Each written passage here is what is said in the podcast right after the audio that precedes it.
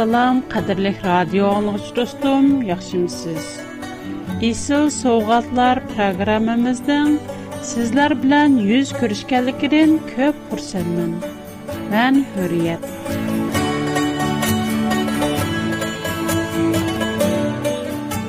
Qadirlik dostum, siz bəzidə kəlgüsüdən guman qılamsız. Kişininki Allah bizni gumonga tashlab qo'ymadi isil sovg'atlar programmasi sizga ollohning so'zini tunishtirib qo'ydi siz men bilan birga bo'lgan mazgilda barliq gumonlaringizga suollaringizga javob topa olasiz bugun qadrli do'stlarim bilan allohning kalomi to'g'riliq suhbatlashmoqchi Qadirlik dostlarımın mən bilən birgə Allahın kalam üstüdə əstayidil izlənib görüşünü ümid qılımın. Quran-Kərim, Təvrat və İncil haqqında zadi nimə deyidu? Quran-Kərimni varaqlab gördüğüm olsaq, birinci nöqtə Quran-Kərim, Təvrat və İncil işinin, onunqa əgişin, o həqiqət deyidu. Bunu 2-ci surə Bəqər 4-cü, 5-ci ayətdən kirib alalaymiz. Bu ayətlərdə mundaq deyilgan: Ular sənə nazil qılınğan kitabqa, səndən ilgirki peyğəmbərlərə nazil qılınğan kitablara işindu və axirətə şəksiz işindu. Әні шулар пәрвердігарның тоғра юлыда болғычылардыр. Әні шулар baxtga erishkichilardir. Demak, Qur'on-Karimning tasliqidala Tavrot va Injilga ishonguchilar, to'g'ri yo'ldagilar, baxtga erishkichilar deydi.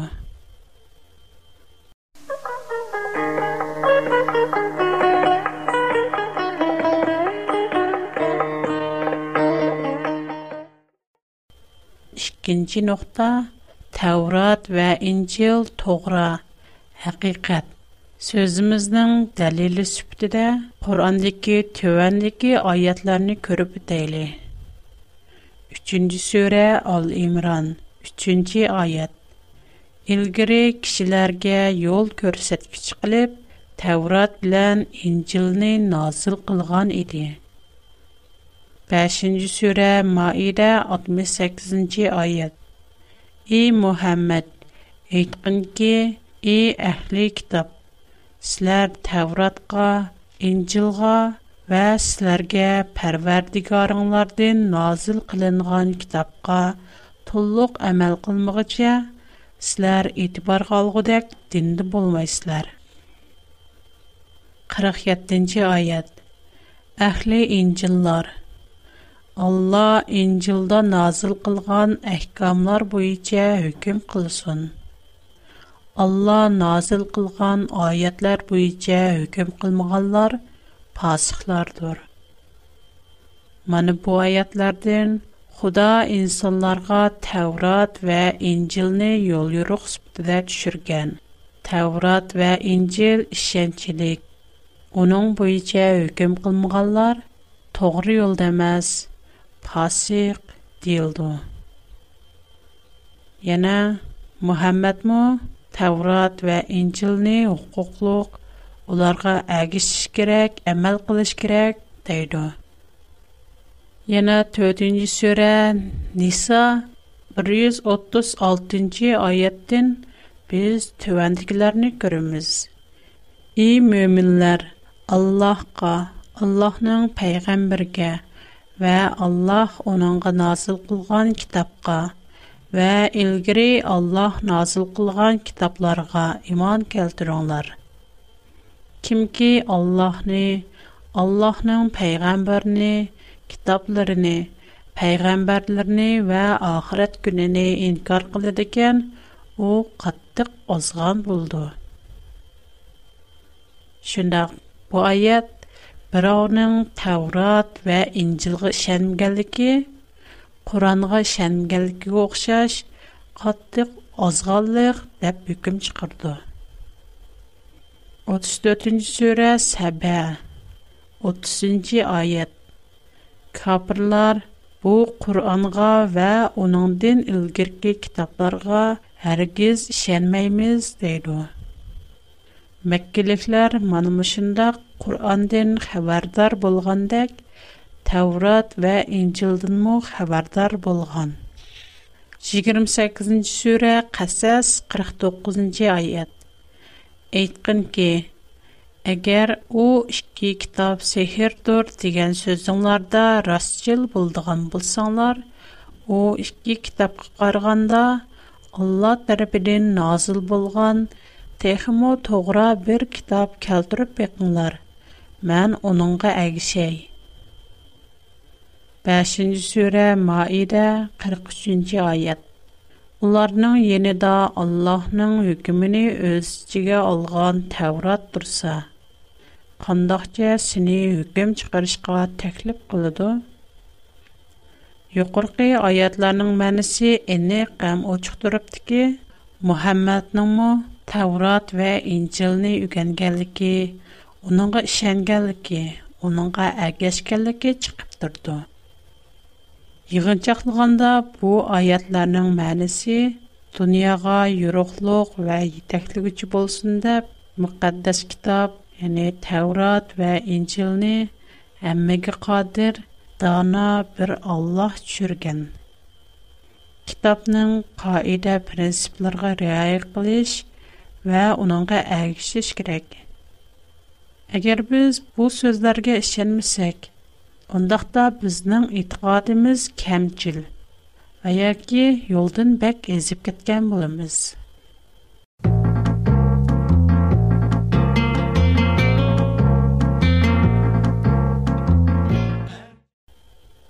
Әмді біздің Таврат білән Инжил өзгәртілген, бұрымланған деген сөзімізге келсек, Құран бұ ақта найти жаллық найти күчлек радиаларны бирде.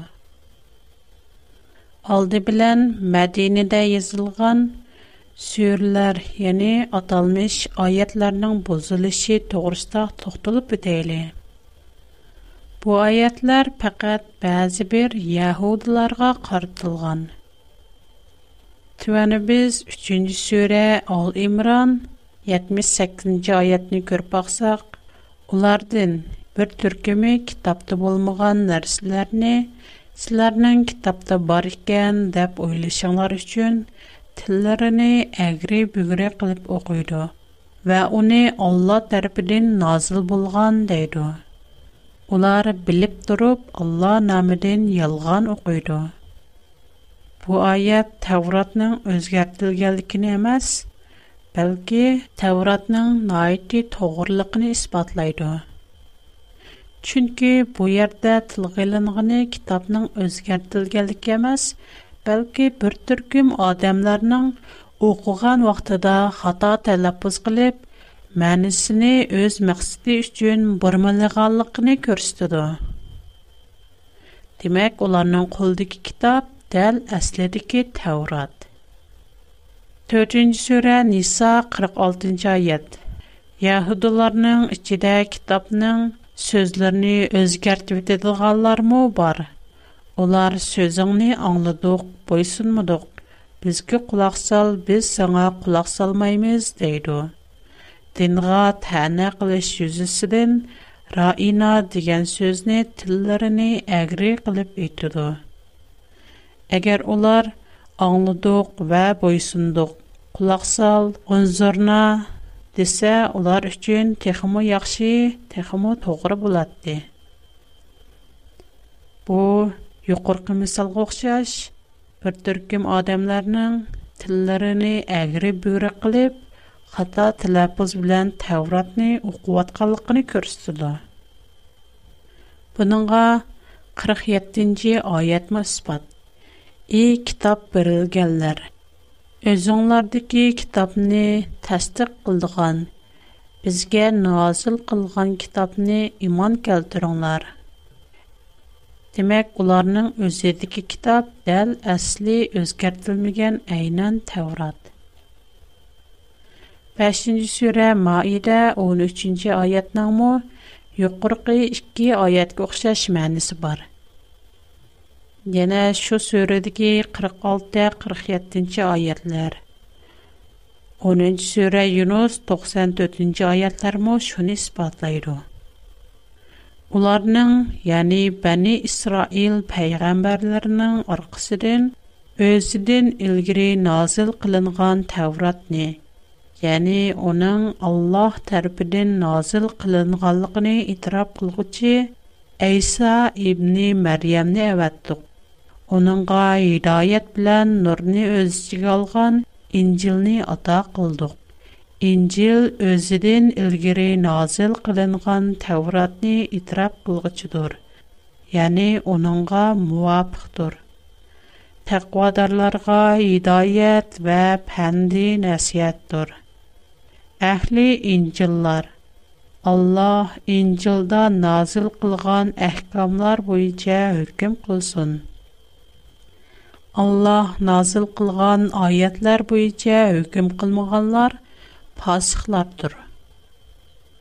Mübadə sən sana biz nazil qılğan kitabdan şəkləndiğan, şöhbüləndiğan, güman qıldığan bolsan, səndən ilgiri kitab oxuğanlar, yəni Təvrat bilən İncil nazil qılınğan Yahudilar və Nasaralardan sorab baxın. Yuqorqi ayatlardan shu xulosani chiqarish bo'ldiki, yahudlarning qo'lidagi Tavrat haqiqiy Tavratdir. U hech qachon o'zgarmagan. Agar undoq bo'lmaganda Qur'onning Madinadagi suralari Makkadagi suralariga zid kelib qolgan bo'ladi. Qur'on o'z so'ziga o'zi qarshi turgan bo'ladi. Kepimizga qaytib kelsak, yuqorida biz Qurandaki bazı ayetlerden Tevratının, İncilinin doğruluğu özgermegenlikini görüp öttük. Əməliyyatda Quranda bunun oxşar sözlər nəyiti köp.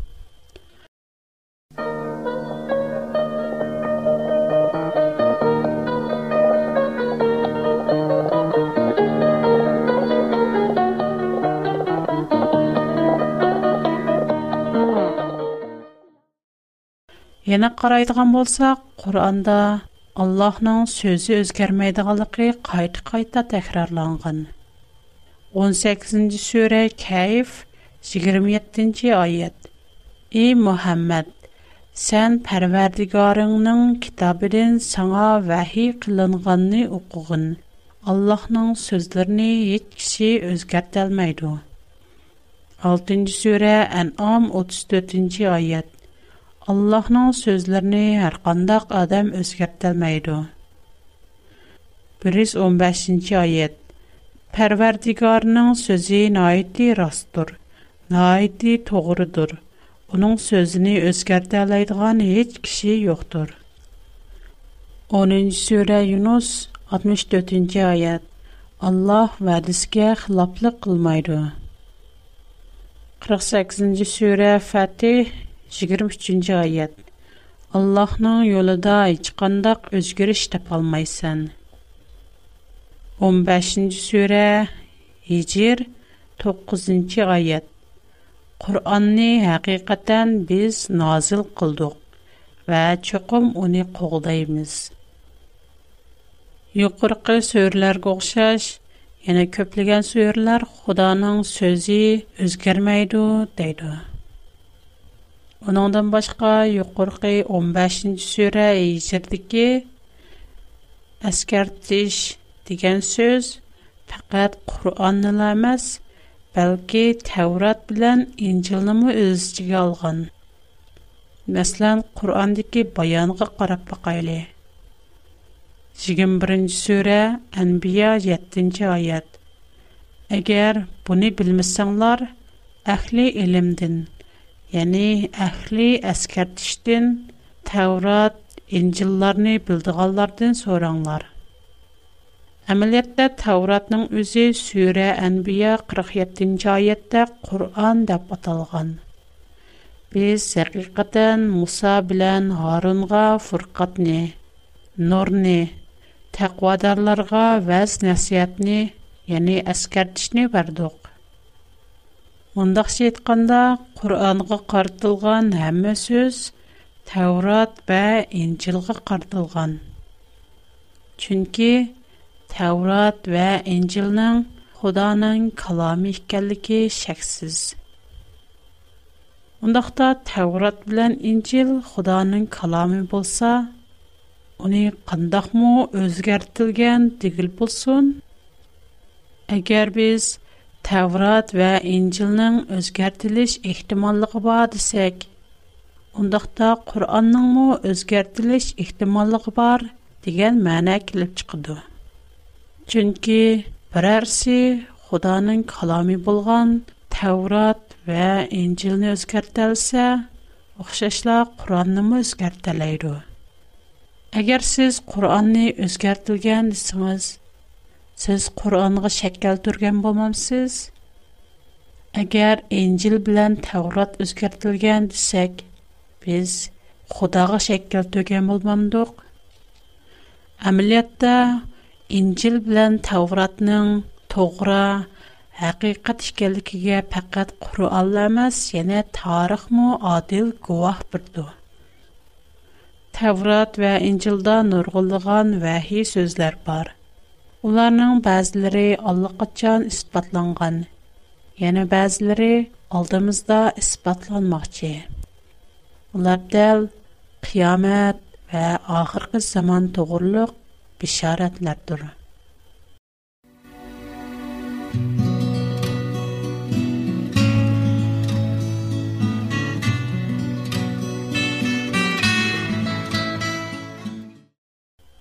Biz hazır muşu bişaratlarının ispatlanışını kütüb durmaqdımız. 1948-ci ili Таамира қабілісінің болған Мухаммад Ал Дип Бадави үлік деңіз бойда қойбек қатқанда бір өңкірні байқыған. Әм о өңкірден бір үріш Таурат Зәбірнің өгіме кітапларыны тепіп чыққан. Уларның арасында Яшая пайгамбарның бер бүтән китабы булып, бу китап әслидә Айса мәсхихнең тугылышыдан 700 ел үткәре язылган. Бу китапларның һәммәсе мөкъәддәс китапның тугыра икәнлеге ва үзгәрмәгәнлеге тагъдәк гувах булып турды. Чөнки уның мәзмуны хәзерге эшлетелеп аткан көчерелмә нусхаларга охшаш. Хәзерге көп нусхаларның бәзләре ислам диндән илгәри язылган, бәзләре уның белән замандаш булган. Христиан ва яһудлар эшлетелеп аткан 2000-дән артык тилгә тәрҗемә кылынган хәзерге нусхаларны бу кадимки нусхалар белән селештерсәк, Уларды көксәшлек кишини хайран калдырды. Демәк, Куръан ва тарих аркылы Инҗил ва Тавратның тугры икәнлекне исбатлап чыктык.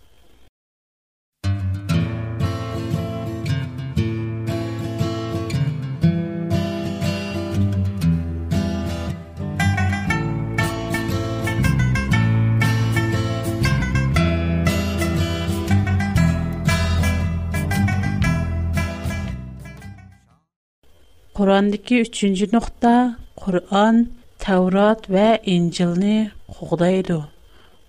Oningga quloq berdi. Bazi de biz Tawrat we Injilning to'g'ri haqiqat ekanligini i'tirof qilib tursakmoq, biroq yana Kur'an, Injil va Tawratning o'rnini egallab, ularni innovatsion qilayotgan deb Құрақ, бүнен вичканнақ асаси йоқ. Джунки, Құраан азалден бұндах демиген. Аксича, Құраанда, Құраанның үзі инжел білян тавратни тастықлоу чи, Құраанның үзі қолдоу чи, Құраанның үзі үзі үзі үзі үзі үзі үзі Mən nazil qılğan Təvratni təsdiq qılğıcı Qur'anğa iman keltiringlar. 89-cı ayət. Ularga Allah tərəfindən ulardakı kitabni təsdiqlaydigan kitab nazil bolğan. 91-ci ayət. Qur'an ularının qolidagi kitabni təsdiq qılğıcıdır. 3-cü surə Al-İmran 81-ci ayət. Сілардікі нәрсілеріні итрап қылғычи пайғамбар кәлсә, оныңға иман ейтішіңлар керек. Оныңдың башқа яна, үшінші айет. И Мухаммад, өзідін үлгіргі китапларыны тәстік қылғычи хәк китапны саңа назыл қылды. Илгири кишиларга йол көрсәткич кылып, Таврат белән Инҗилне назил кылган иде. 4-нче сүре Ниса 47-нче аят. Ey kitap verilgenler, özüңләрдәге kitapны тәсдиқ кылдыган без назил кылган kitapка иман келтиреңләр. 10-нче сүре Юнус 38-нче аят. Bu Qur'onni birovning Allohga ixtiro qilishi aqlga sig'maydi. Lekin Qur'on ilgari kelgan kitoblarni tasdiq qilguchidir.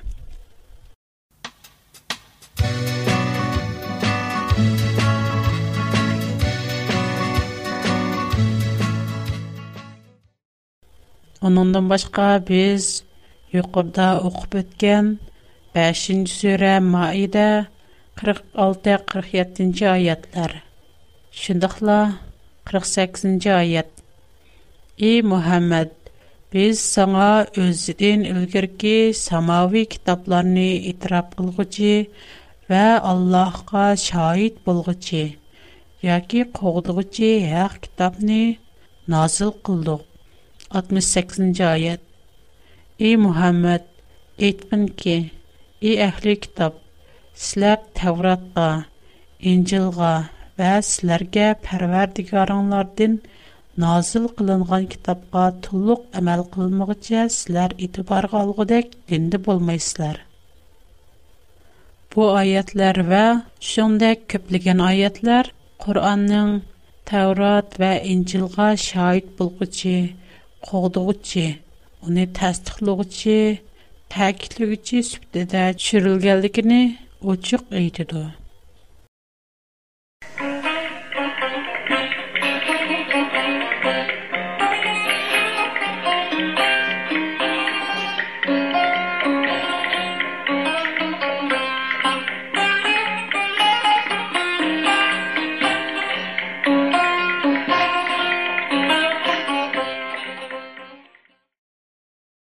Суран Ничкатчан өзінің инжил ва тавратның обнини еліш үчін келгелікіні айтмаған. Оның айксича, өзінің инжил білян тавратни тастықлаш үчін гувалық бүріш үчін келгелікіні айтмаған.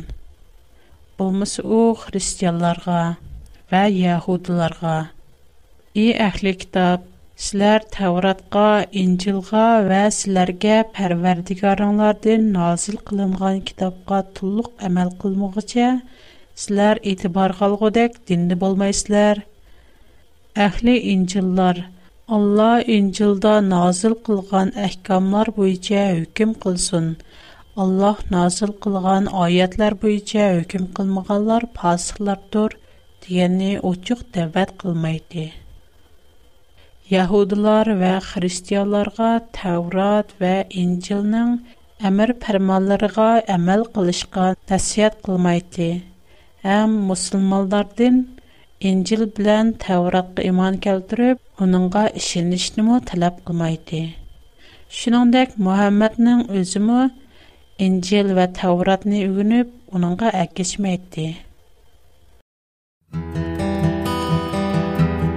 Программа ахырда достумга адресимni deb bermoqchiman. Agar men bilan aloqalashishni xohlasangiz, qalam va qog'oz tayyorlab qo'ysangiz, programma oxirida adresimni xotirlab olasiz. Qur'on Tavrat bilan Injilni o'z ichiga olganligini hech qachon bayon qilmagan. Amaliyotda 26-sura Shuara 192-ci ayətdən 196-ci ayət kəcə Qur'an bunun əksini bayan qılğın.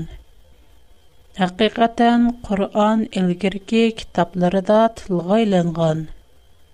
Bu yerdə tılğı ilinğın digən sözünü sözmü söz tərcüm qılsaq, düşənsək, onun mənisi işçidə var digəlik buldu. Şubu içi İncil və Təvrat Qur'anni öz içigə oldu degan məna çıxdı. Demək, Qur'an İncil bilan Təvratni qoğdaydı, onunğa guvalıq burdu. U yana Təvrat bilan İncilni öz sözünün asası qilishqa intilgan. Həm özünü Təvrat və İncil bilan tən urunğa qoyğan. 28-ci surə Qasas 49-cu ayətə qayıt qarab baxaylı. Әгәр у 2 китап сехердөр дигән сүзләрдә рас җил булдыган булсаңнар, ул 2 китап карыйганда Аллаһ тәрпидән назл булган техимо тугра бер китап калтырып бекнләр. Мен уныңга әгәшәй. 46нче сүре әхкаф 12нче аят. Кур'анның илгәре Мусаның китабе әһли җанга пешива ва рәхмәт диде. Бу араб телле ди tasdiq qilguchidir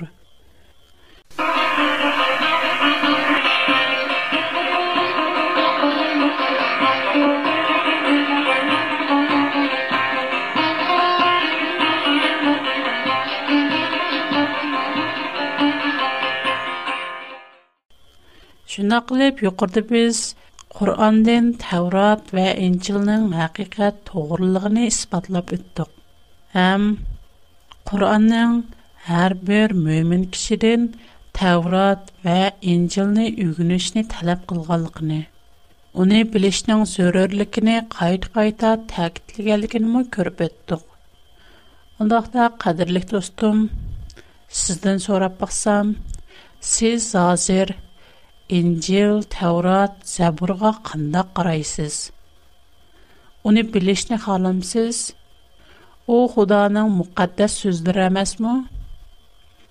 اگر سیز از آن پتلهای الله کتاب شدم دپول سانز هم شند قل مختب سانز اون دقت بود سوزد رمز نی عملی ترند کردن سوزد نی عملیت اثبات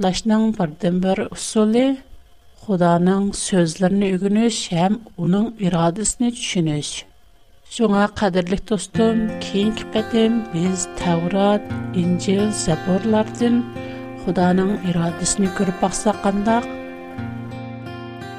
Бүгінгі программымыз мүшерді аяқлашды. Менің тұр адырсым үриет әт бигфуд.com Менің awrp.com O Pax 310 Hong Kong Mening hanzicha xato darsim Shangang Yujin Songju Shishang 310 numar. Xo'sh, Xudoga amonat. Xushvaqt Bulonglar